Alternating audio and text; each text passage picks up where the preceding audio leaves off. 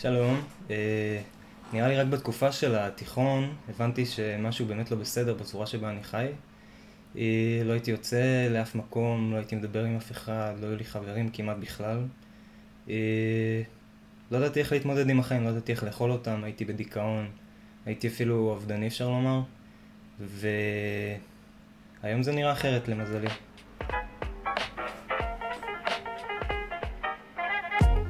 ברוכים הבאים לפודקאסט שלי. אני שרון, מדריכת הורים, אה, ואנחנו בפרק נוסף של אה, מתבגרים פוד, אני שמחה שהצטרפתם אליי. אה, מי שמאזין קבוע שלום, ומי שהצטרף היום, אנחנו עוסקים בעולמם של מתבגרים, והפעם איתי באולפן נמצא בחור בשם רותם, שמיד יציג את עצמו, ואנחנו עוסקים בחרדה חברתית דרך העיניים של הנער המתבגר. אז שלום רותם, ותודה שבאת אליי לאולפן. שלום, תודה רבה שאתם מארחים שאת מארחת אותי. מאוד כיף לי, והייתה לנו אה, שיחה מאוד מעניינת ככה מקדימה לפרק. אה, כן. אז מאיפה אנחנו מתחילים? אה, אני אציג את עצמי. כן, זה הרגע. אז עכשיו אני, כאילו קוראים לי רותם, בן 20, מהמרכז. כרגע אני בצבא. התחלתי כמכונאי, עכשיו אני פקיד. אחרי כל היום אני ככה עם נציגי יחידות פה ושם.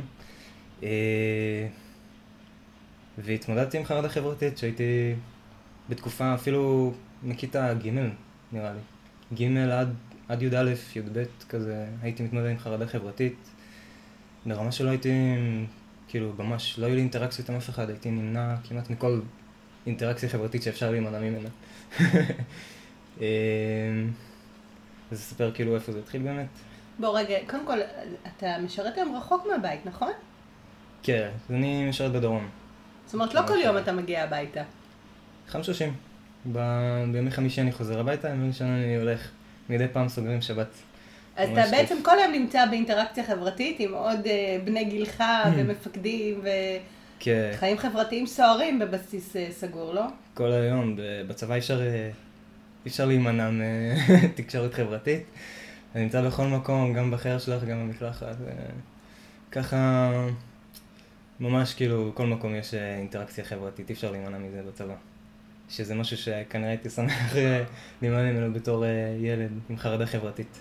והיום באמת, כאילו, אתה, איך אתה מרגיש? אתה קם סבבה? זה זורם לך?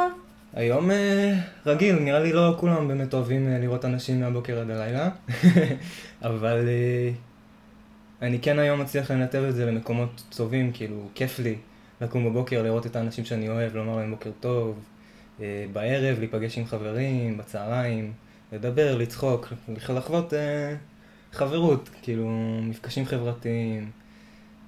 כן, זה... זה היה חסר לי בעבר, כאילו, כל המפגשים החברתיים האלה, אבל לא באמת הייתי מודע לזה. אז בוא באמת נדבר על ההתחלה. אה, זהו, השאלה אם אתה יכול לסמן את נקודת ההתחלה, או שזה משהו אה, שסיפרו לך עליו? נקודת ההתחלה, בסיפור האישי שלי, זה באמת התקופה שבה האמא הביולוגית שלי נפטרה. אז אם ככה, כל הטראומה וכל היגון שנותר, אה, כנראה הטראומה שלי הייתה בעצם אה, פחות אה, לדבר עם אנשים, כי זאת הייתה תקופה שנורא נורא עצובה, הייתי הולכת לפסיכולוגים מלא, הייתי, לא הייתי מדבר עם אף אחד, כאילו, כי גם הייתי מתבייש בעובדה שאני צריך ללכת לפסיכולוג. וגם הסביבה שלי חוותה את זה נורא קשה, אז כאילו לא היה הרבה מי שיעזור, אבל עשו עדיין מה שאפשר. ועם הזמן, פשוט, את שלא מדברים עם אף אחד, אז קצת שוכחים איך לדבר. ולא יצא לי לחוות באמת אה, חברות אה, תקופה ארוכה מאוד. עד... אה, ממש עד התיכון, היו לי פה ושם כמה חברים, משהו בקטנה, לא יותר מדי כמובן, אבל כן, זה הייתה, שם זה הכל התחיל, בסביבות אה, גיל חמש, גיל חמש זה מה זה, כיתה א' כזה? גיל חמש זה טרום אפילו, בית ספר, זה טרום חובה, זה גן טרום חובה. כן, זה טרום. ובעצם קיבלת מכה מאוד מאוד מאוד קשה, כן. שאיבדת את אימא שלך, וגם הסביבה חוותה את המכה כי זה היה במפתיע. נכון. אז ו... אתה אומר ששם נוצר איזשהו חוסר רצון בעצם לשתף אולי, או חוסר כן. יכולת לשתף כזה. את הסביבה. זה, כן, זה קושי, והקושי הזה גם, הוא לא רק בפני עצמו חרדה חברתית. חרדה חברתית אולי בשלבים יותר מתפתחים, אבל לפני החרדה החברתית היה לי גם, בוא נגיד אפשר לומר דיכאון. הייתי ממש אובדני.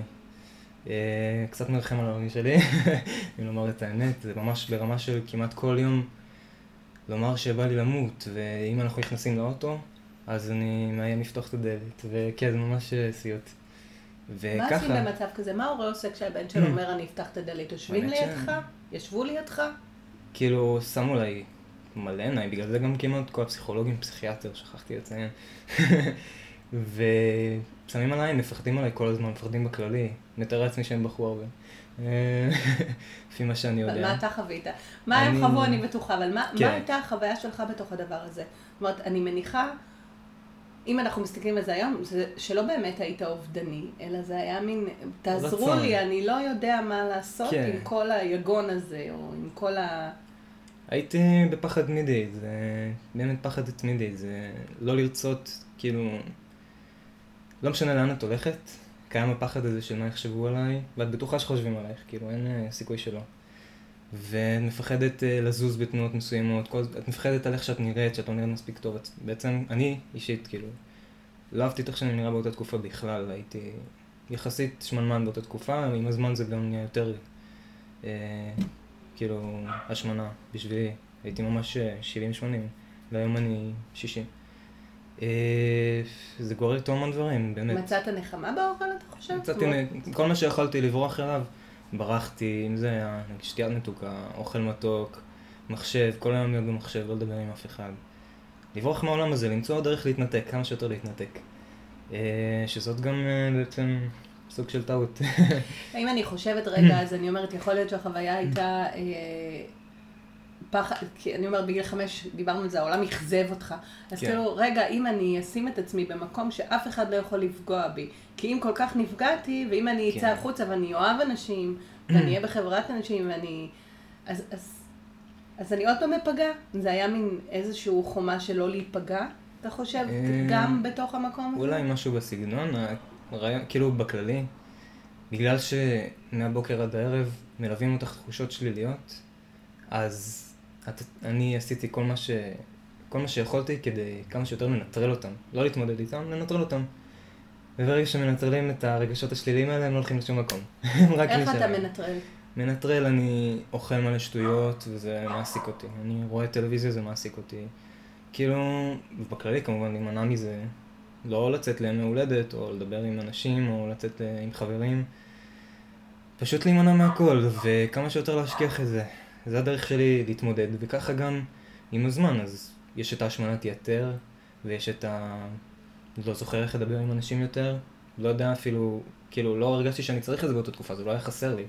בגלל שהייתי מספיק, כאילו, השקעתי מספיק זמן בלנטרל את כל הרגשות השליליים האלה, זה באמת לא פשוט אה, לחיות בפחד התמידי הזה, זה ברמה של אה, לקום בבוקר, ואת יודעת שאת צריכה ללכת לבית ספר, אבל החולצה צמודה, ואני לא רוצה לראות אנשים, ואם הם יראו אותי הם יצחקו עליי, והם יתחילו לדבר עליי.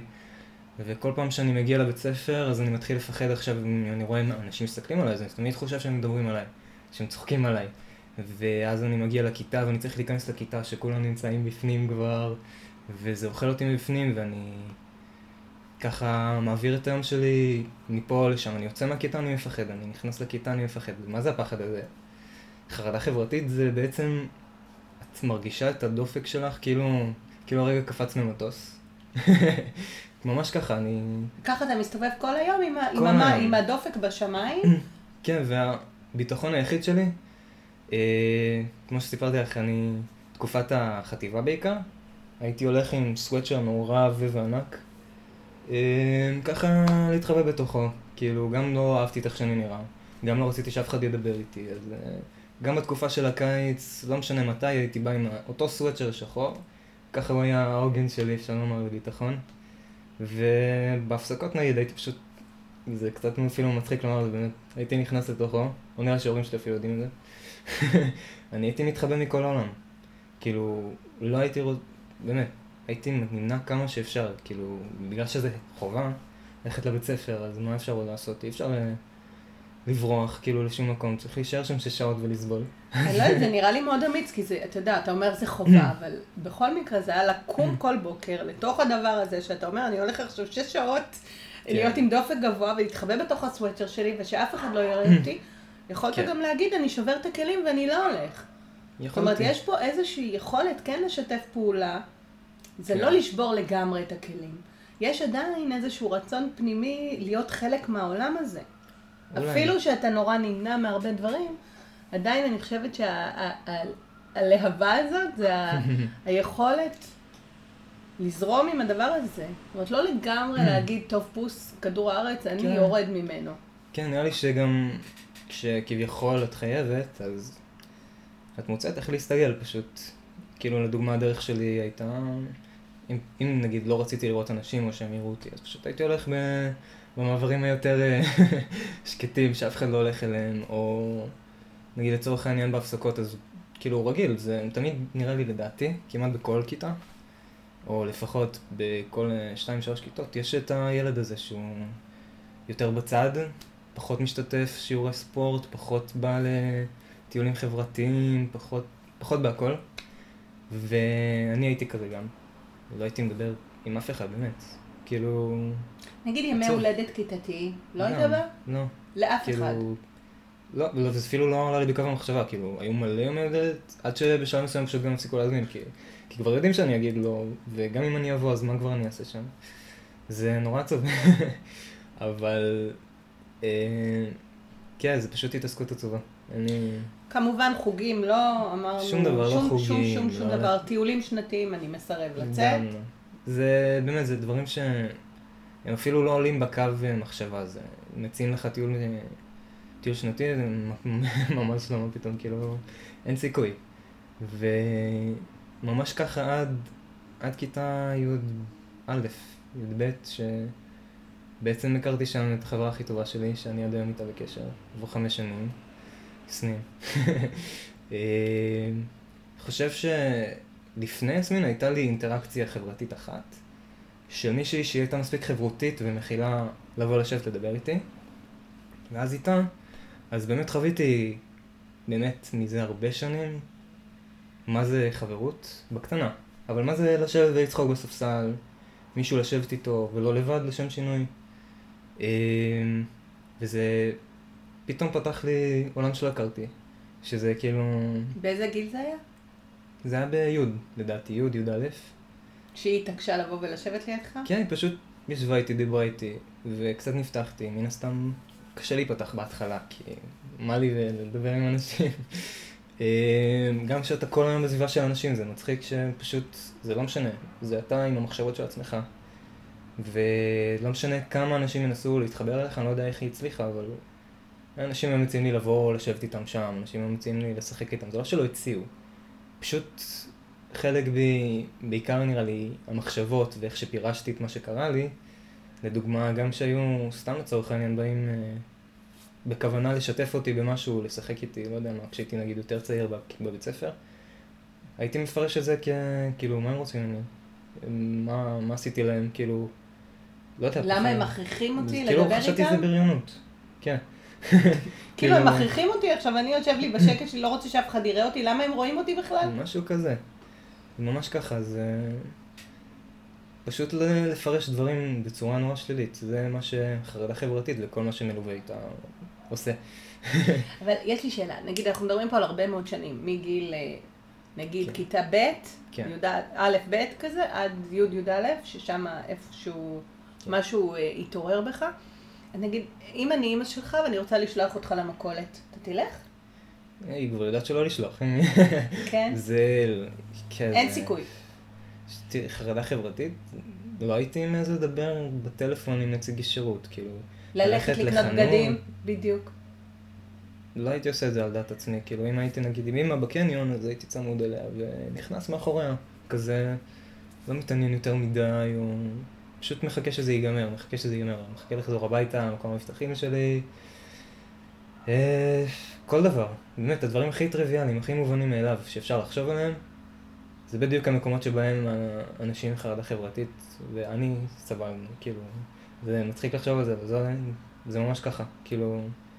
לדבר עם אנשים, ללכת לחנויות, לצאת לסרט כל דבר שיכול להיות כיף בחיים מפחיד, שזה בכלל לא פשוט לחיות ככה, אם מפחיד לחיות, זה ממש כאילו, זה כמו לפחד לחיות, כי אני רואה עכשיו היום, שאני במקום אחר, אה, בלי אינטראקציות חברתיות ודברים חברתיים, אין הרבה סיבות כאילו לחיות בכלל, כי כן. לדעתי גם קראתי על זה מחקר שהוא ארך 75 שנים, והם אמרו שהמדד הכי גדול וחשוב כאילו לאושר שלך, זה בעצם המערכות יחסים.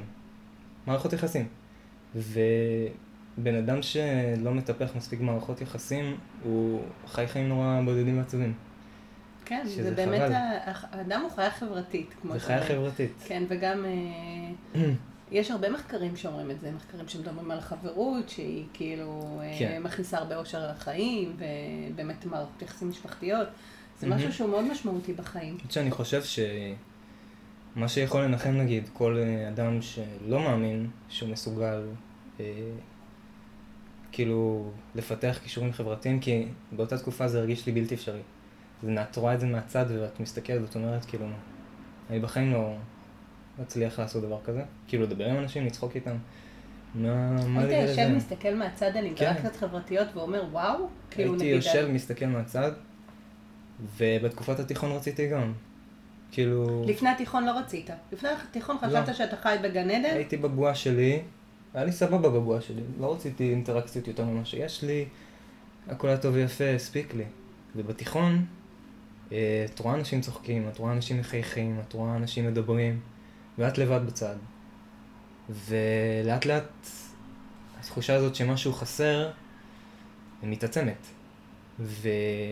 ואם אני אחזור עכשיו לתקופה שבה הכרתי את החברה הכי טובה שלי, אה, אחרי שהתחלנו לדבר ובאמת לשבת בהפסקות, היא הייתה כמעט, עד היום היא בערך בדיוק אה, כמוני. היא גם הייתה לה, היא לא הייתה מדברת עם אף אחד, היא הייתה יושבת בצד, אבל היא כן הייתה, נגיד אם היו קוראים לה לבוא, אז היא הייתה באה כאילו לשבת עם כל מיני אנשים, הייתה אולי, אנשים היו מנסים כאילו לשתף אותה וזה, אבל בגדול היא הייתה יושבת לבד כמוני. עד שאיכשהו הצלחנו ככה לדבר אחד עם השנייה,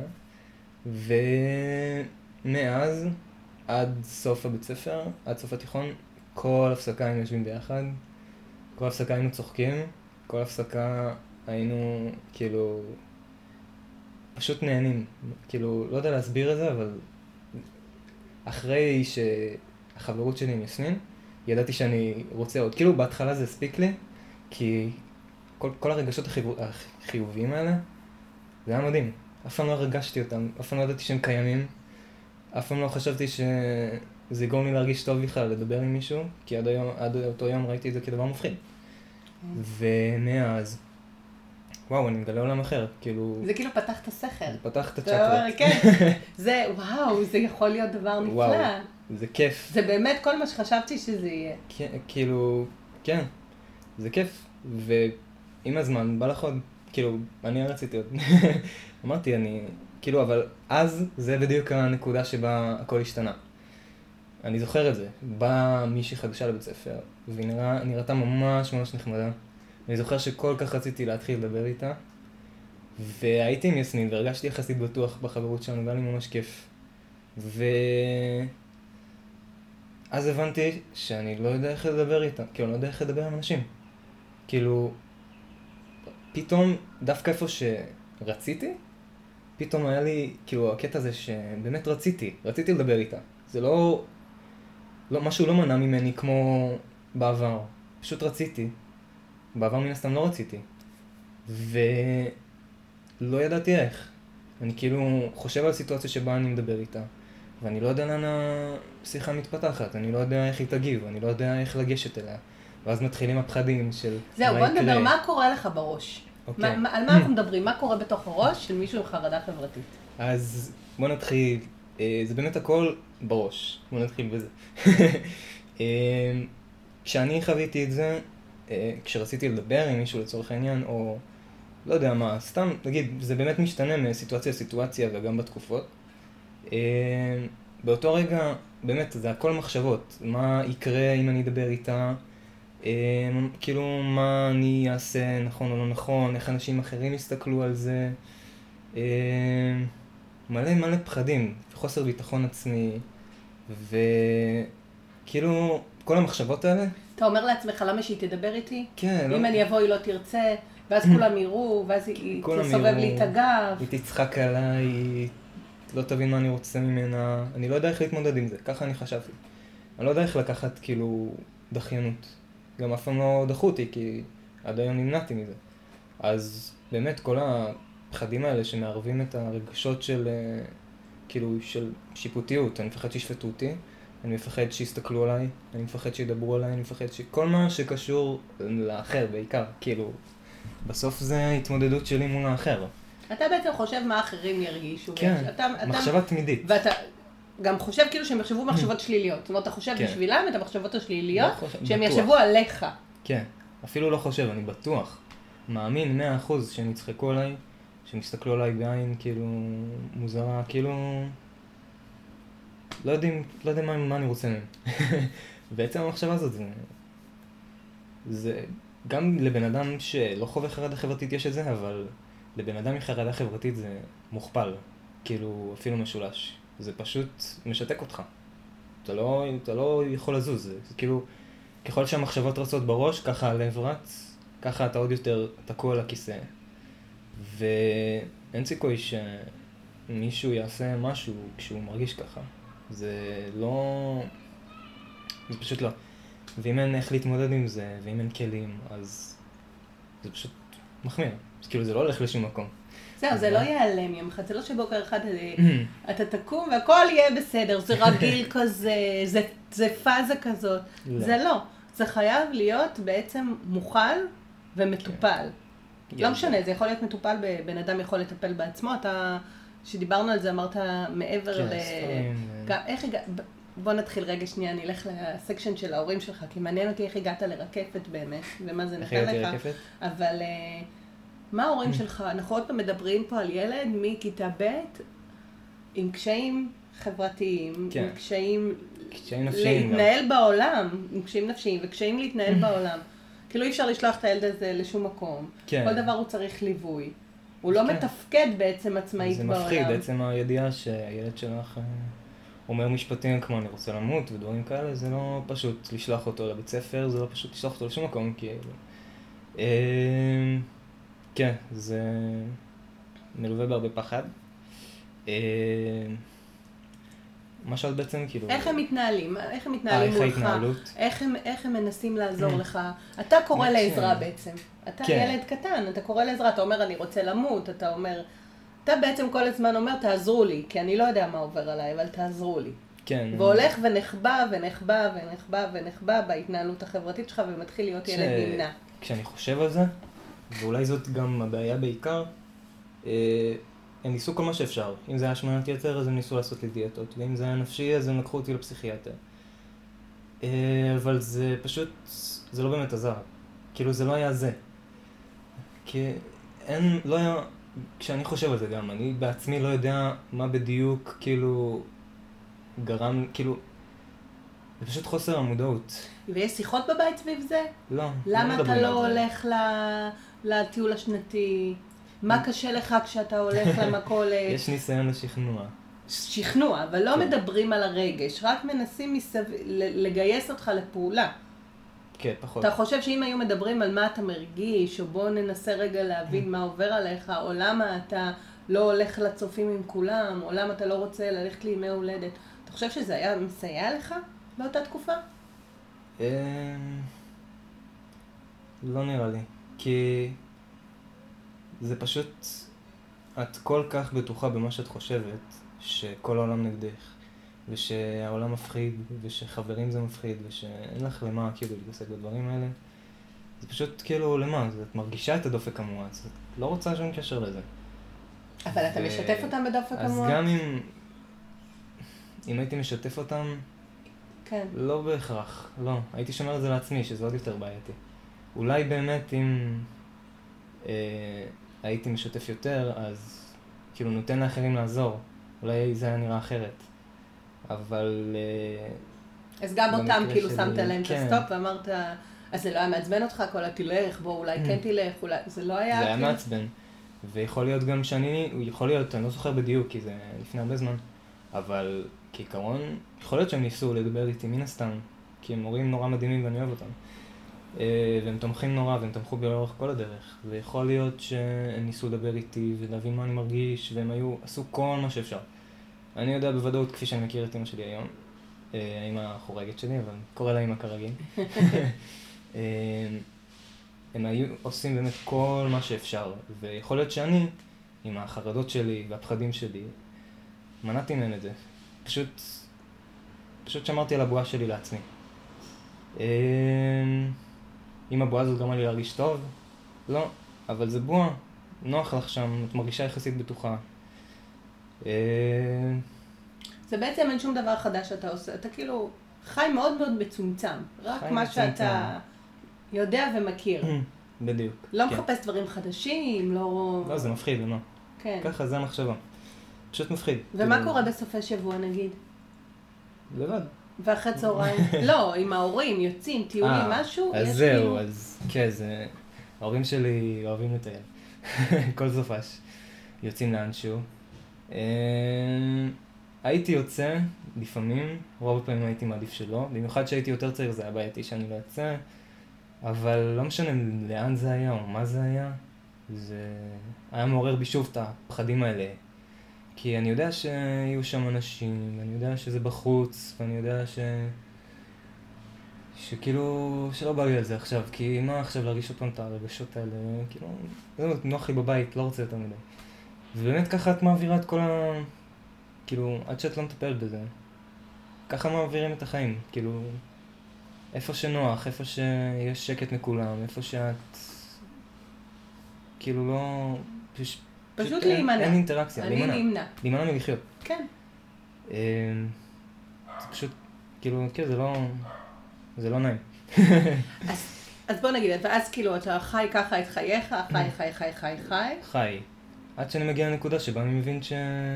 בואנה, זה כל כך כיף. איפה הנקודה הזאת? אז אמרנו על יסמין. כן. אז אני רוצה לדבר עם מישהי חדשה, ואני לא יודע איך לעשות את זה. ואז אני ניגש לרבית, זאת אה, היועצת שלי בבית ספר, בית ספר נעמת, שזה גם בית ספר מאוד אה, מכיל. היה לי מזל להיות שם כי פשוט התמיכה, זה כל כך חשוב בשלבים האלה, התמיכה הזאת, החיצונית, כי אולי כשאת חווה את החרדה החברתית את לא מעריכה את זה, אבל זה עוזר. כי אם היית מתמודדת עם חרדה חברתית לבד, זה היה נגמר אחרת, זה לא היה נגמר טוב. זהו, האמת ששאלתי את עצמי, שעברת מהיסודי, עברת לחטיבה, כן. ומהחטיבה לתיכון. זה גם מעברים בוודאי מאוד קשים. זה מעברים, וואו, זה פחד אלוהים. איך עשית את זה? לא יודע, פשוט עשיתי. אה, ידעתי שזה מפחיד אותי והרגשתי שאני רוצה. כי כן? לא אהבתי לחיות ככה. בעיקר בתקופה של התיכון. התיכון הכל השתנה. כי גם, זה היה בית ספר, זה היה תיכון קטן. זה לא תיכון גדול, אין בו הרבה אנשים, 20 אנשים בכיתה 15 ומי שמגיע בכלל. אז הכל שם קטן, הכל שם אישי, הכל שם לתמוך. והגעתי לרבית ואמרתי לה, התייעצתי איתה, כי אני יודע שאני יודע, יכול להתייעץ איתה על הכל, למזלי. ואמרתי לה, כאילו, אני לא יודע איך לדבר עם אנשים, כאילו, סיפרתי לה מה אני מרגיש. אבל זה מדהים שפנית בכלל ערבית, עוד פעם. זה- כי זה- זה גם מישהי, בסדר, אתה מכיר אותה, אבל היא לא מישהי... כן, את חושבת? לבן אדם עם חרדה חברתית זה לגשת למישהו ולשפוך את הלב, ואני חושבת שזו מקפצה מאוד מאוד מאוד גדולה כן. שעשית. תודה. כאילו, מה... אני גם איך חושב- הצלחת לג- לגייס את הכוחות לגשת אליה בכלל? אני חושב שברגע שחוויתי את זה, בפעם הראשונה, ואחרי זה, תקופה שחוויתי את כל הכיף הזה, והבנתי שאני רוצה עוד, היה לי מספיק כוח רצון לבוא ולהגיד, וואי, אני חייב לעשות משהו עם זה, כאילו, אני לא יכול להישאר ככה, כאילו, שאני לא מדבר עם אף אחד. זה לא מספיק אני רוצה עוד, בא לי עוד, ככה הרגשתי. זהו, זה כאילו נגעת ב... נכנסו כן, רגשות. חיוביים לתוך ה... נחשפתי מספיק בשביל שהפחד הזה יהפוך אולי לסוג של כאילו סקרנות, כאילו אולי משהו טוב כן יכול לצאת מזה. הצלחתי איכשהו להשתכנע שהחרדה החברתית הזאת, כאילו הפחד הזה מחברים ומאינטראקציות יכול להיראות אחרת. כי עד אותה תקופה הייתי בטוח שזה, אין לזה שום צד אחר, זה פשוט מפחיד. וברגע שהתמזל מזלי להתנסות בצד השני של הזה, אה, אני מניח שפשוט כאילו הצלחתי איכשהו לשכנע את עצמי שאם זה יכול להיראות אחרת, אולי אני יכול לעשות משהו בקשר לזה. ולא לחיות בפחד תמידי. ובאמת פניתי אליה, והיא הקשיבה לי, ומפה לשם היא הציעה לי את רקפת. ואני זוכר שהיא סיפרה לי על רקפת, והיא סיפרה לי קבוצה כזאת של אה, כמה ילדים ביישנים שמדברים, נפגשים פעם בשבוע, והלב שלי צנח. הלב שלי צנח, אבל אמרתי לה, כאילו, היא שאלה אותי, אתה, כאילו, אתה רוצה שנדבר על זה עם אמא? פשוט אמרתי, כן. דברי, כאילו, כן, יאללה, בוא נעשה את זה. בוא נעשה את זה, ככה, בלי לחשוב יותר מדי. לא יודע אפילו קפצת איך... למים. כן. וואו. אני לא יודע איך, כאילו, באמת, באותה, אני לא יודע איך עשיתי את זה. פשוט אמרתי, כן, אני רוצה את זה. יאללה, לא משנה מה זה, אני הולך. ו... ואז זה קרה. אתה יודע מה אומרים על שינוי? אומרים שכאילו, בשביל ששינוי, שתוכל להיות בשל לשינוי, אתה. צריך באמת כאילו להיות to hit bottom, מה שנקרא. כאילו להגיע למקום הכי נמוך, שאתה אומר ממנו, כן. אני חייב המקומות הנמוכים. שהרווח שלי יהיה כל כך גדול כשאני אעשה את השינוי, זאת אומרת, ההפסדים שלי מתחילים, צברת כל כך הרבה הפסדים, שאמרת, אני לא יכול יותר להפסיד. אני חייב, זהו. אני כן. מבין שאין לי פה יותר רווחים, ההפסדים שלי הם הרבה יותר... הרווח שלך היה שאתה לא צריך להתמודד עם כלום, שאתה נשאר במקום שלך, ושום דבר לא פוגע בך, אתה לא צריך להרגיש רגשות, הכל בסדר, אתה מוגן. כן. אבל ההפסדים, פתאום את, כש, כשראית, נחשפת למה אתה מפסיד בעצם. אתה מפסיד חוויות, אתה מפסיד חיים, אתה מפסיד חיות, אתה מפסיד חברים, אתה כן. מפסיד אושר, אתה מפסיד את כל החיים שלך. כן. ואז. בעצם היה לך את המנגנון של, הש- את הצמיחה הזאת. כן, אני חושב שפשוט הבנתי ש... שאני...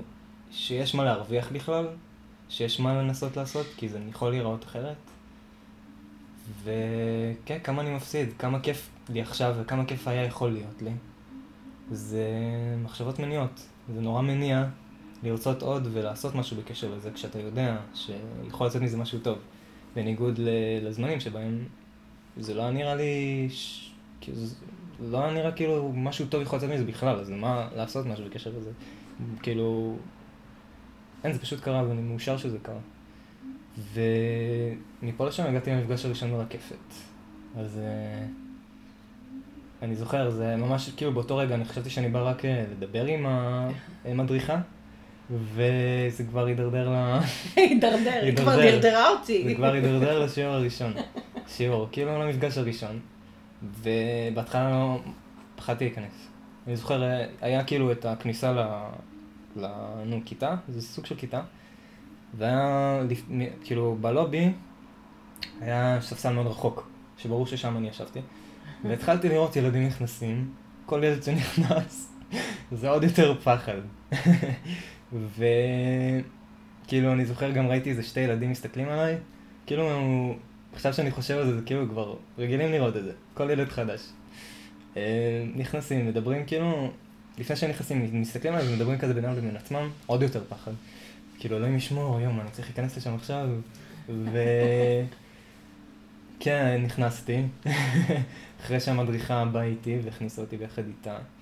ואני נכנס ואני מסתכל מסביב, ואני רואה, כאילו, הלב ברצפה, כן? שאותו לי לרגע, לא נכון, הרי... הנה, אבל עוד פעם, כאילו, יש ברצפה. איזשהו משהו שמצליח להתמודד. נכנסתי, לא נשארתי על הספסל, ומישהו היה צריך לבוא ולקחת אותי ואולי לדבר על ליבי. עשיתי את הקפיצה, אתה כל הזמן כן. מצליח לעשות קפיצות אמון. כאילו, טוב, אז כן. אני אכנס. יכול להיות. כן, יכול להיות. זה יכולת מדהימה שלך בעיניי. כן, תודה. וכן, נכנסתי, והם עשו את התרגילים הרגילים, כי שוב, זה נורא מביך. אה, להיכנס לכיתה, תשע ילדים שהם גם ככה ביישנים, כאילו, מה עושים? חייב מפעיל, כן? למזלי, הם מדריכים ברקפת פשוט מדהימים. כאילו, אין מילים לתאר כמה הם מכילים ומדהימים, ו... צריך הרבה סבלנות וטוב לב בשביל אה, להיות מדריך ברקפת, כי בסופו של דבר, אה, אסור לצפות גם, כאילו, אסור להם לצפות מאיתנו להתנהג בצורה שהיא פתאום נורא חברתית, בגלל שאנחנו ביחד וזה. צריך נורא להכיל את העובדה שלכל מי שנמצא בחדר הזה, קשה לדבר. ודווקא בזה, בתור מישהו שיש לו חרדה חברתית, זה נורא מנחם לדעת קודם כל שאת לא לבד. זה נורא מנחם אה, לראות שקשה לאחרים, או שזה לא נשמע טוב, אבל כאילו, אני. לא היחיד שקשה לו. נכון. זה, זה טוב. זה נורא לדעת. אנושי. זה, כן, זה טיפה מרגיע, כאילו וואי, המצב שלו כזה גרוע. כאילו יש פה עוד אנשים שחווים את זה, אני לא לבד, אני לא לבד. הלבד זה נורא קשה. ובאמת הם מתחילים את השיעורים שם תמיד עם תרגילים ששוברים את הקרח. אם זה לזרוק כדור, קצת לצחוק, כאילו לזוז טיפה, כי אם את חרדה חברתית והלב שלך ברצפה, סביר להניח שאת לא תזוזי הרבה. אז קצת לזרוק כדור, קצת אה, משחקים כאלה, לא זוכר בדיוק, כי לא הייתי שם שלוש שנים. אבל בעיקר הכדור, זה דברים כאלה, כל מיני משחקים כאלה של אה, לדבר, לומר מילים, אה, משפטים, כאילו, את יודעת, קצת אה, להניע את הגוף, את הקרח, כן. כן, להניע את הגוף, לשבור את הקרח, לא לשבור את הקרח, להפשיר אותה. כי הם היו נורא עדינים, כאילו, הם לא הכריחו אף אחד להשתתף, אבל הם כן עודדו להשתתף, הם כן עודדו שזה יבוא ממך.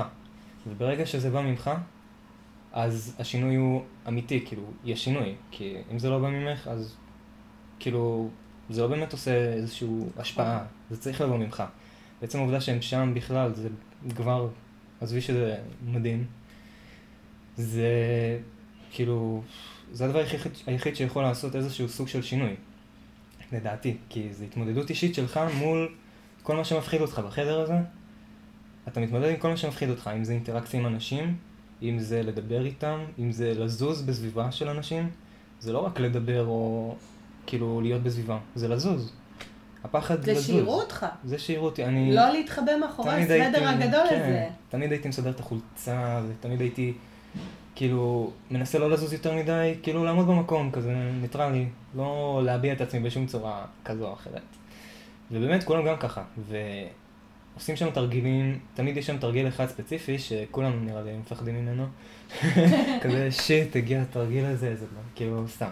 אבל אה, הגיע תרגיל, וזה בעצם אה, שיושבים בחי"ת, בזוגות, ויש אה, כיסא אחד קבוע, שמי שיושב עליו זה קבוע, ויש כיסא אחד השני לידו, זה תמיד עוברים, אוקיי? ונותנים בעצם לוח עם כל מיני נושאים שאפשר לדבר עליהם.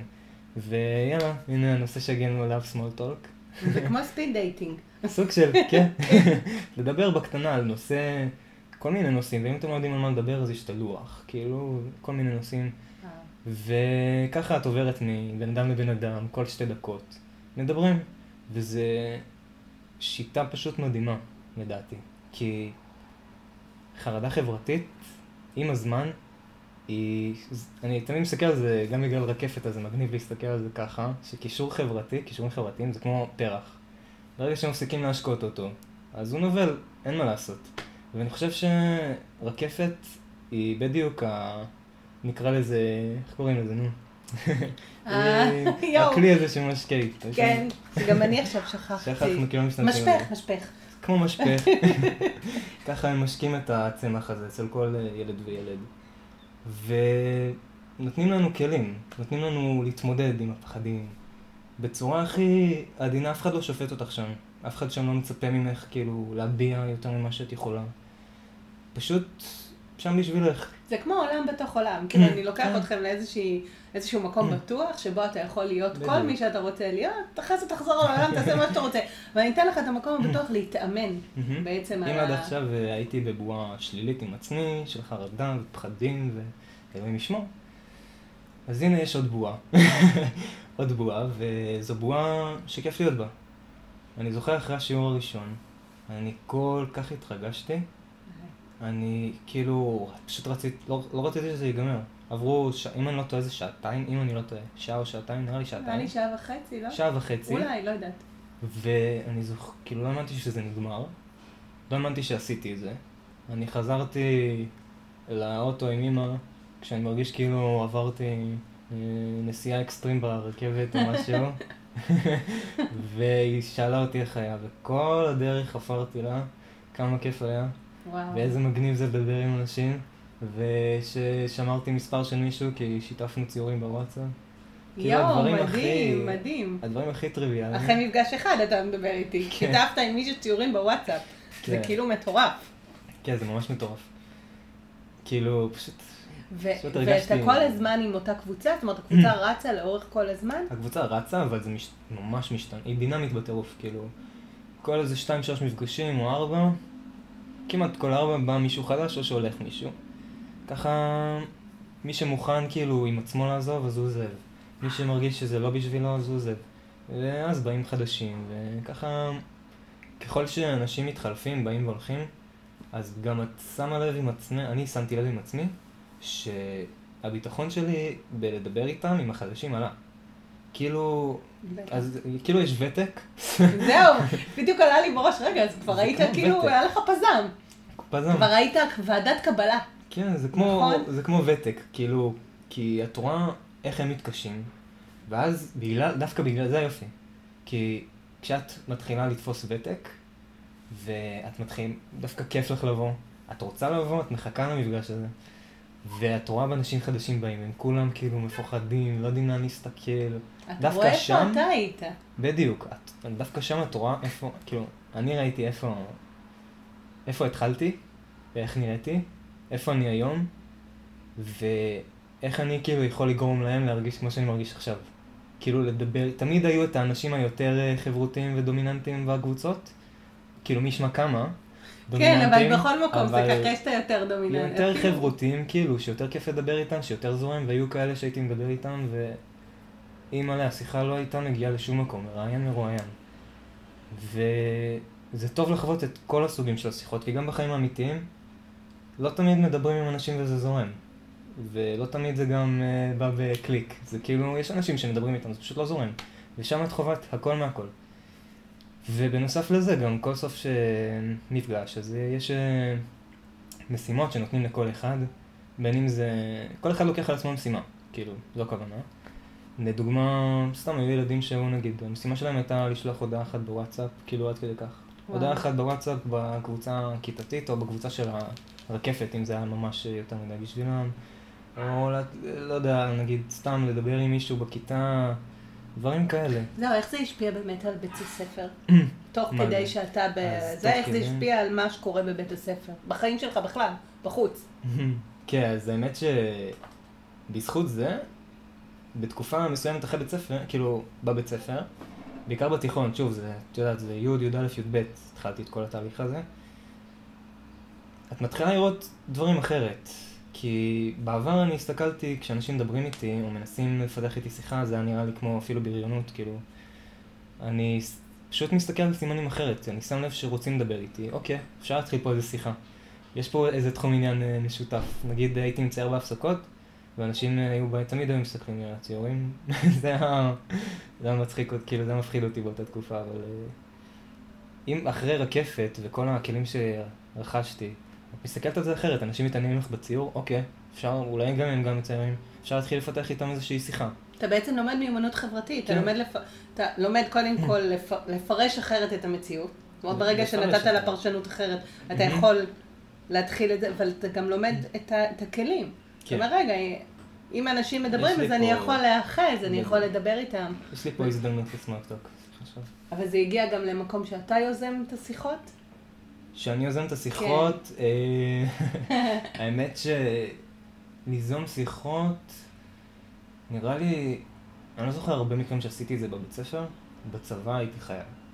ל- בצבא, עליתי לאוטובוס הראשון של המתגייסים, פשוט עליתי לאוטובוס, אמא שלי עם המשקפיים השחורות הענקיות, בוכה, מסירה את הדמעות. עד היום אני צוחק על התמונה הזאת. אה, עולה לאוטובוס, מתיישב לידי מישהו ומתחילים לדבר. ככה. וואו. פשוט מתחילים לדבר. וזה הצעד הכי נכון שעשיתי. כי לחוות את זה עם עוד מישהו, את הפתיחה הזאת, זה כל כך הרבה יותר כיף וקל מאשר אה, לחוות את זה לבד. ועובר לך רגע בראש, יואו, איזה קטע. האמת ש... נראה לי שלא. כי וואו. עד אותה תקופה, כאילו, עד הצבא, אה, יצא לי להכיר הרבה חברים. שזה מצחיק, בתקופה כזאת קצרה של זמן, שזה לצערי, כן? אבל לא, לצ... לצערי, בגלל שזה כל כך קצת זמן יצא לי להיות איתם. אבל למזלי, כי זה קרה.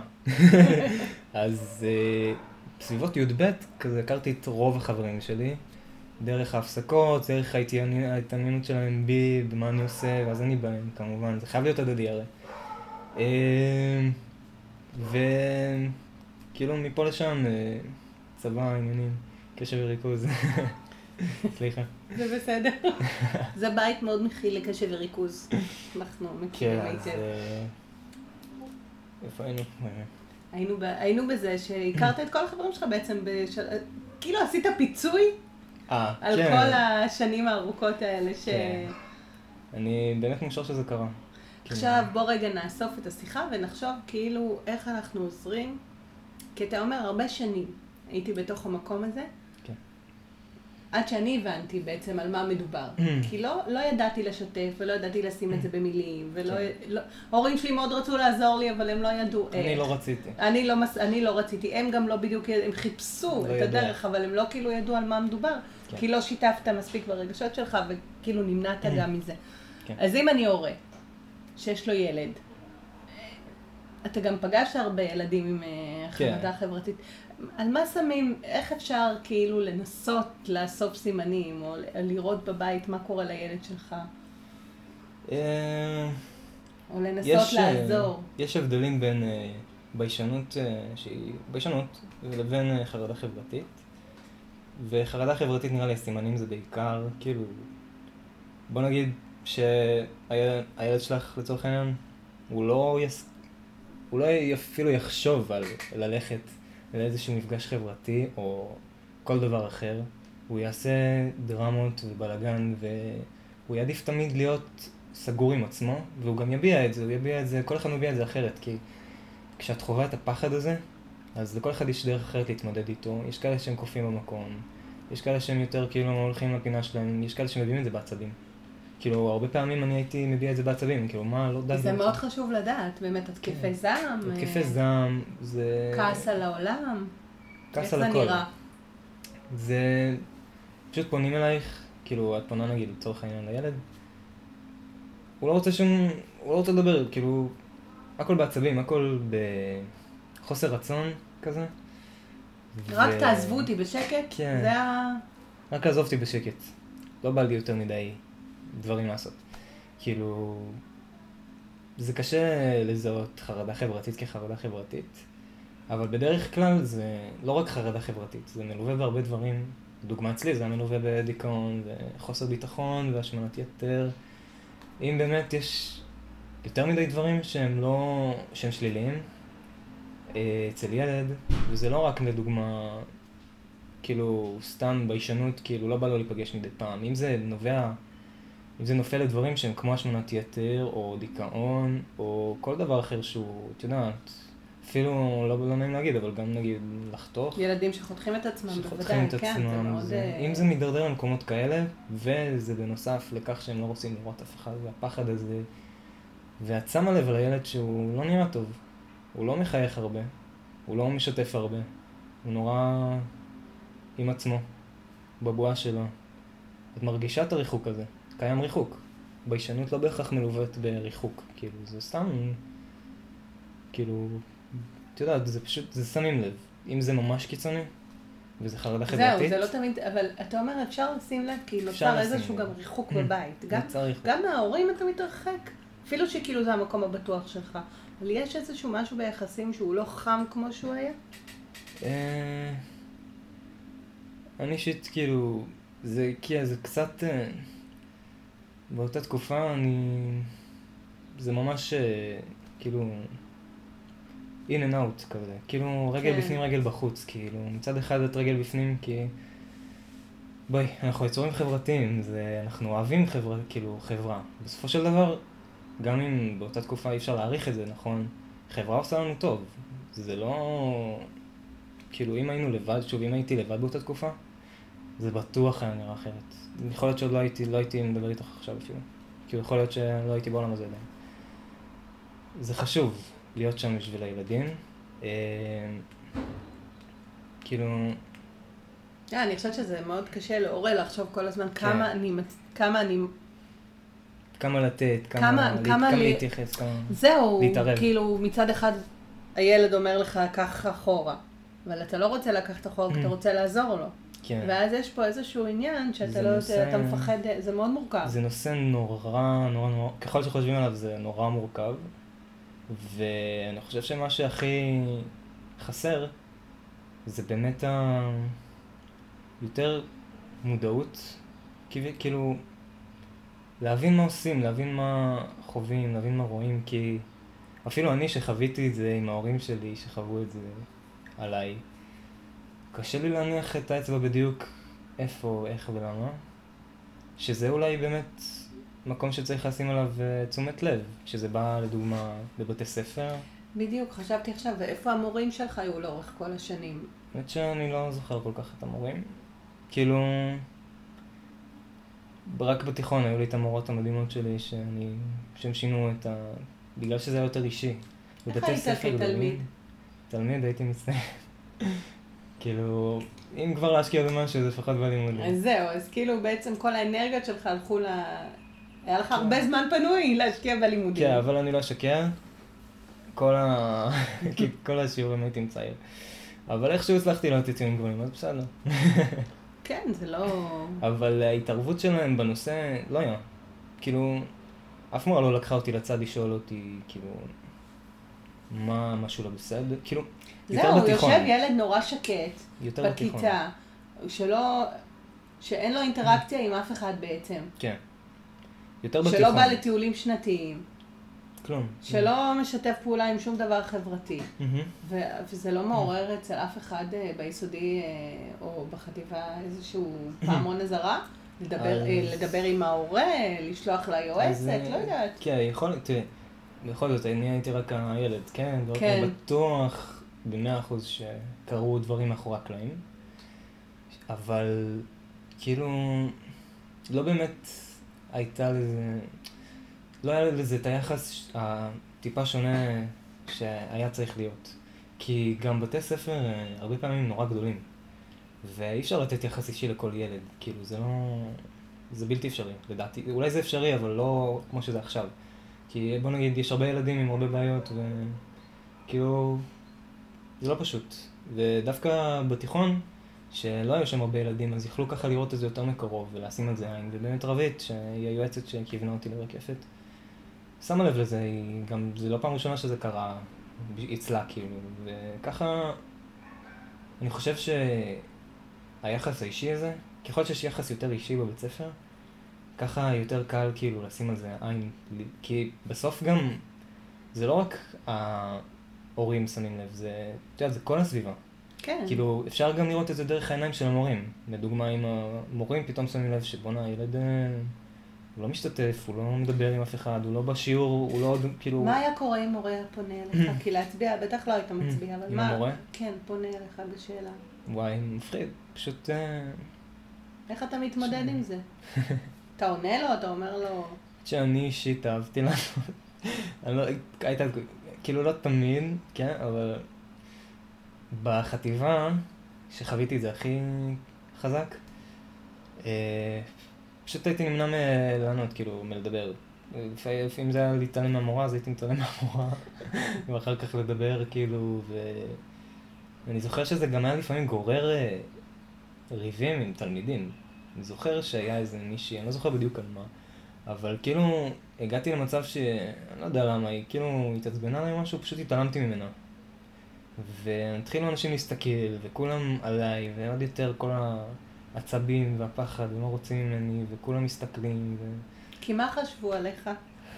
מה חשבו עליי, אני לא יודע. אני יודע, בתיכון, הפסדתי לגלות אה, שחשבו עליי שאני אגויסט ואנוכי. בגלל שבאמת מהצד זה נראה כאילו אני לא רוצה קשר לאף אחד. טוב לי עם עצמי, לא, לא בא לי לדבר עם אף אחד, אני לא... באתי לפה בשביל ללמוד כי אני חייב וזהו. ומהצד זה נראה נורא אגואיסטי, בעיקר שמנסים להתחבר אליך. ניסו להתחבר אליי, זה לא שהסתכלו עליי, אמרו, טוב, הוא, עזבו אותו בשקט וזה. כאילו, אנשים טובים. אבל כשיש חרדה חברתית לא רואים את זה. קשה לראות את זה. זה פשוט מלא אשליות. זה מחשבות ואמונות שהעולם נגדך, שאף אחד לא אוהב אותך, שכולם צוחקים עלייך. אם את מסתובבת בעולם עם מחשבות כאלה, אז... Uh, איזה טוב כבר יקרה. גם אם טוב קורה לך, את לא תשימי לב אליו. זה הבעיה באמונות מגבילות. כן, אם טוב קורה לך, אז אתה תקטלג אותו בתור משהו, אה, הוא פנה כן. אליי כי הוא בריון, לא כי הוא רוצה להיות חבר שלי. כן. הוא סתם עובד עליי, הוא רוצה ממני משהו. אבל זה מצחיק, כי זה באמת מייצר פרשנות אחרת לגמרי אצל אחרים. אתה בא עם כל ה... אתה אומר, אני לא, בכלל לא... יש לי אני כוונות מת כאלה. מפחד, אל תדברו איתי כי אני מפחד, כי אני רוצה להימנע, אני רק רוצה ללכת הביתה. והם מסתכלים עליך ואומרים, מי זה הילד האגואיסט הזה? רק על עצמו הוא חושב, מי הוא חושב שהוא? הוא כן. חושב שהוא יותר טוב מכולם, הוא לא מדבר עם אף אחד. זה מייצר פה באמת איזשהו... זה אה, משחק פרשנויות. כן. זה ממש משחק פרשנויות. זה לא פשוט להתמודד עם זה. אבל שוב, האמת שזה לא בלתי אפשרי. כאילו, זה אפשרי לגמרי להתמודד עם זה. גם בשביל ילדים שחושבים שזה לא אפשרי בעליל, והם חושבים ככה, זה אפשרי. זה... שוב, זה אפשרי, רק צריך, עוד פעם, צריך לתת צריך לתת ה- לזה, צריך לעזור. זאת אומרת, יש ילדים שיעזור להם ללכת לטיפול. כל, ש- כל מיני סוגים של טיפול, אימון, הדרכה, אה, פסיכו, פסיכותרפיה, לא משנה. ויש ילדים שיכולים, וכמובן בשילוב עם העמותת רקפת, שבעצם נותנת את המקום כן. להתאמן בו. אבל ש... צריך לייצר את הרצון. זהו, אז מהחוויה האישית שלי, לא משנה כמה פסיכולוגים ופסיכיאטרים ואפילו הייתי ב...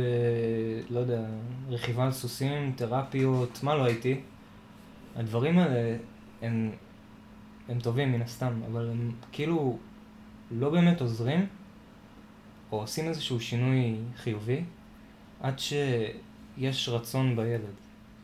ואני חושב שמה שצריך לשים עליו הכי הרבה עין, זה לאו דווקא לאן שולחים או מה עושים, זה יותר איך אני גורם לאותו ילד עם חרדה חברתית להאמין שיש לצד אחר בדבר הזה. לגרום לו להאמין שיש על מה להילחם, יש משהו טוב, חיובי, בדבר הזה, כי אף אחד לא יילחם על משהו שהוא שלילי עבורו. למה? בשביל מה? כאילו, אם אני מסתכל על זה כדבר שלילי, כדבר שאני רוצה להימנע ממנו, אז למה בכלל שאני אתקרב אליו? אבל אם הצלחתי איכשהו, וזה כנראה מה שקרה לי, אם הצלחתי איכשהו להסתכל על זה אחרת, לומר וואי, יש פה משהו כאילו כיף, יש פה משהו שהוא חיובי, אז בא לי על זה. כן, אבל זה קצת ביצה ותרנגולת, אתה מבין? כי כאילו אני אומרת לעצמי, איך תייצר את הדבר הזה אצל ילד שהוא נמנע מהכל ולא מוכן בעצם לעשות שום דבר? אה, מאוד קשה, היה לך, תראה כמה שנים לקח לך, אנחנו מדברים כן. פה על תקופה מאוד מאוד ארוכה.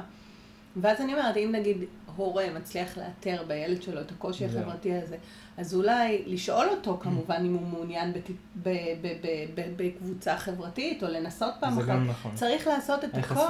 כדי לחשוף אותו באמת. כן. ואז הוא יודע שהוא לא לבד, וברגע שאתה לא לבד, באמת הרבה יותר קל אה, ל- ל- למצוא את הרצון הזה בפנים. כי חלק מהעניין של ההימנעות והחרדה החברתית היא באמת ההרגשה שרק לי קוראים, כאילו זה רק אני, אני כן. לא רוצה אף אחד, כי רק אני חווה את הרגשות האלה, תראה איך כולם מסתדרים גם, ואני כאילו. אתה יושב, אתה רואה את כל הכיתה, כולם חברים, קשקשים, כל אחד מצביע, אנשים עושים את הדברים הכי טריוויאלי. ואתה כאילו לא מסוגל... אה, אז, כן. אז יש פה עניין של ביצה ותרנגולת. נכון. כדי לייצר את זה, הרבה פעמים צריך לגייס את הילד בכל דרך. אפשרית. כן, בגלל זה אני. בזמנו דיברתי על- אתה דיברת על זה, על מודעות. כן. כאילו מודעות של הורה. האמת שאם כבר חשיפה לצורך העניין, אה, צריך לעורר את החשיפה הזאת, יש כל מיני דרכים שאפשר לעשות את זה. אני חושב שגם מה שעזר לי למשוך את ה... כל העניין של חרדה חברתית הלאה, זה היה דווקא שיעור פסיכולוגיה חיובית בבית ספר. ככה הוא חשף אותי ל-NLP ועוד כלים שעזרו לי להתמודד קודם כל עם עצמי, אחר כך עם האחרים. זה הייתה הרבה עבודה שלי עם עצמי, ואני חושב שכל אדם עם חרדה חברתית זה קודם כל התמודדות שלו עם עצמו. אז אולי באמת יותר כלים, כאילו, איך להתמודד עם זה, איך... לאו דווקא קודם חשיפה, אולי באמת אפשר נגיד לדוגמה ללמד ילדים את הכלים להסתכל על זה אחרת בכלל. לשנות את, ה... את ש- פרדיגמות החשיבה כן. שלהם. כי בוא נגיד שילד, הוא... לא מחנכים אותו על פרשנויות, או אולי מה שאני חושב זה לא בהכרח האמת, או שיש צד שונה לכל דבר. ככה אני רואה דברים וככה הם נראים לי וככה אני חי אותם. וברגע שהצלחתי להשיג את הכלים האלה מה-NLP, שזה גם בזכות ערבית, שחשפה אותי ל-NLP, וקראתי את הספרים, ופתאום ראיתי עולם שונה. ראיתי שמה שאני חושב זה לא בהכרח נכון. ושיש כל מיני פרשנויות, והפרשנויות משפיעות על איך שאני מתנהג. וככה הצלחתי גם בעצם להיחשף לעוד כאילו חוויות חיובי, חיוביות. ואולי זה במקום מסוים מה שחסר גם לרוב הילדים. כאילו, אני מתאר לעצמי שאם היה להם איזה שהם כלים, להשתמש בהם גם עם עצמם. זה כבר, אם מדובר בנערים, הם לא נולדו אתמול, כאילו, את יודעת, הם יכולים להתמודד, אבל כלים, הם גם כלים. עברו כבר, נערים עברו, נערים ונערות עברו כבר הרבה חוויות, וואו. עברה שעה, אני פשוט בהלם. סליחה אה, לכל זה, פשוט ישבתי והסתכלתי בשעון בפעם הראשונה, והייתה לנו שיחה מאוד מעניינת. אה, אז אני באמת רוצה להגיד שנערים ונערות כבר חוו הרבה דברים אה, כן. מורכבים בחיים. אם כאילו לסכם את הכוס. כן. אני חושב שהכי חשוב זה באמת כלים, חשיפה ושהרצון יבוא מהילד. וזה יכול לקרות, ועם הכלים הנכונים, שכמובן שנחשפים עליהם הרבה ברקפת עם ההתמודדות וההתנסות, זה חשוב, כאילו זה הכל בא ביחד בחבילה אחת. אני חושב שמה שהבתי ספר לדוגמה הכי יכולים לעשות זה באמת ה... לתת יותר כלים איך להתמודד עם החיים, איך להסתכל על דברים אחרת, איך לקחת אותם לטובה ולנתב אותם ללמידה. כי רק ככה באמת נראה לי, לדעתי, הילדים יכולים מעצמם לרצות את השינוי הזה, ופחות מהסביבה. אבל uh, זו התמודדות של כולנו, זה לא פשוט. אז אני מאוד מסכימה איתך, כי גם הכלים אה, שאנחנו, בהדרכת הורים, mm. אנחנו עובדים על אותם כלים, של זה באמת זה סובייקטיביות ופרשנות, איך אפשר דרך פרשנות שלנו של העולם אה, להתנהל אחרת. אה, באדלר אומרים, הסיפור תמיד יכול להיות אחרת. כן. בכל רגע נתון אתה יכול לשנות את הסיפור של עצמך, אם mm-hmm. תשנה את זווית המבט שלך. ואני חושבת שזה משהו שמאוד מאוד חשוב באמת ללמד ילדים. כן, זה מאוד חשוב, ולא מסתכלים על זה מספיק. כן, וגם... אז אם אני מסכמת את השיחה שלנו, המאוד כן. מאוד מאוד מעניינת הזאת, זה באמת שגם בבית שיש בו הורים מאוד uh, עם תומכים. רצון טוב ותומכים, שאני בטוחה שעשו, הפכו עולמות בשבילך, זה ברור נשמע. ברור לי, ברור. כן. אז גם בבית כזה זה יכול להיות לא פשוט לעצמך, כי גם יש את הפן של אתה מאכזב אותם כל הזמן, ואתה מאכזב את עצמך, כן. ואת זה. אז לא לוותר. לא לוותר. אלא גם הורים, הורים לא לוותר. כן. ברגישות ובאחריות, אבל לא לוותר. כן לנסות לשנות את הפרשנויות של הילדים ולרתום אותם ל... כן, לראות איך אפשר לתת להם יותר כלים. כי בסופו של דבר אפשר להסתכל על הכל אחרת ולשנות את הגישה. ובסוף זה מה שעושה את השינוי, אנחנו עם עצמנו. ולא להיבהל. יש לא לזה... לא להיבהל, יש לזה פתרון. יש לזה פתרון. יש לזה, יש את הקבוצות של רקפת, יש אה, כל מיני טיפולים שגם מעצימים. זה מאוד, אה, זה דורש עבודה, אבל יש... אה, יש... יש לזה רווח. יושב פה רותם, ואני רואה את כל הרווחים הגדולים שזה... עוד פעם, אני חושבת שזה גם הביא רווחים לחייך. ברור. הבן אדם שאתה היום. כן. זה שהסכמתי לבוא לפה. זה שהסכמת לבוא לפה זה מדהים בעיניי. אבל גם הבן אדם שאתה היום, עם כל הקשיים שחווית, ההתפתחות שלך, התפתחות מאוד מאוד מואצת. יש לך היום ספקטרום מאוד רחב לראות את ה... כן. אתה רואה גם, אתה יכול לראות מהמקום הנמוך עד למקום הגבוה, כן. ולראות איזה דרך עשית, בצורה מאוד מרשימה. תודה. ואני חושבת שאתה בן אדם מאוד חזק. באמת, ומאוד uh, צומח. אני רואה כל הזמן, אני מדברת איתך ואני שומעת את הצמיחה שלך. זה, זה מאוד, השיחה הזאת מאוד מאוד ריגשה אותי והייתה מאוד מעניינת. כן. ו... גם אותי. אני אשאל אותך רק לסיום את שאלת המיליון דולר שלי, זו הייתה שאלה המסכמת את הפודקאסט כל פעם. עוד עשר שנים. כן. איפה, איפה רותם נמצא? מה את באה... עוד עשר שנים. אני יודע שבא לי לעשות איזשהו שינוי חברתי. בא לי לתת מעצמי לאחר. לא יודע מה זה יהיה בדיוק, אבל uh, זה הכיוון. אולי uh, להקים איזשהו ארגון, לא יודע. אני רואה משהו כזה. בא לי פשוט להשפיע לטובה על אחר. על אחרים. בא לי יותר... uh, לעשות אנשים יותר מאושרים. לפחות למצוא איזושהי דרך, להרגיש ככה, לאלה שהכי קשה להם. כי הייתי שם ואני רואה מה אני חווה עכשיו. והלוואי והייתי יכול לגרום לכל ילד עם חרדה חברתית להרגיש מאושר, כאילו. אבל אה, שוב, אני... זה בהחלט אפשרי.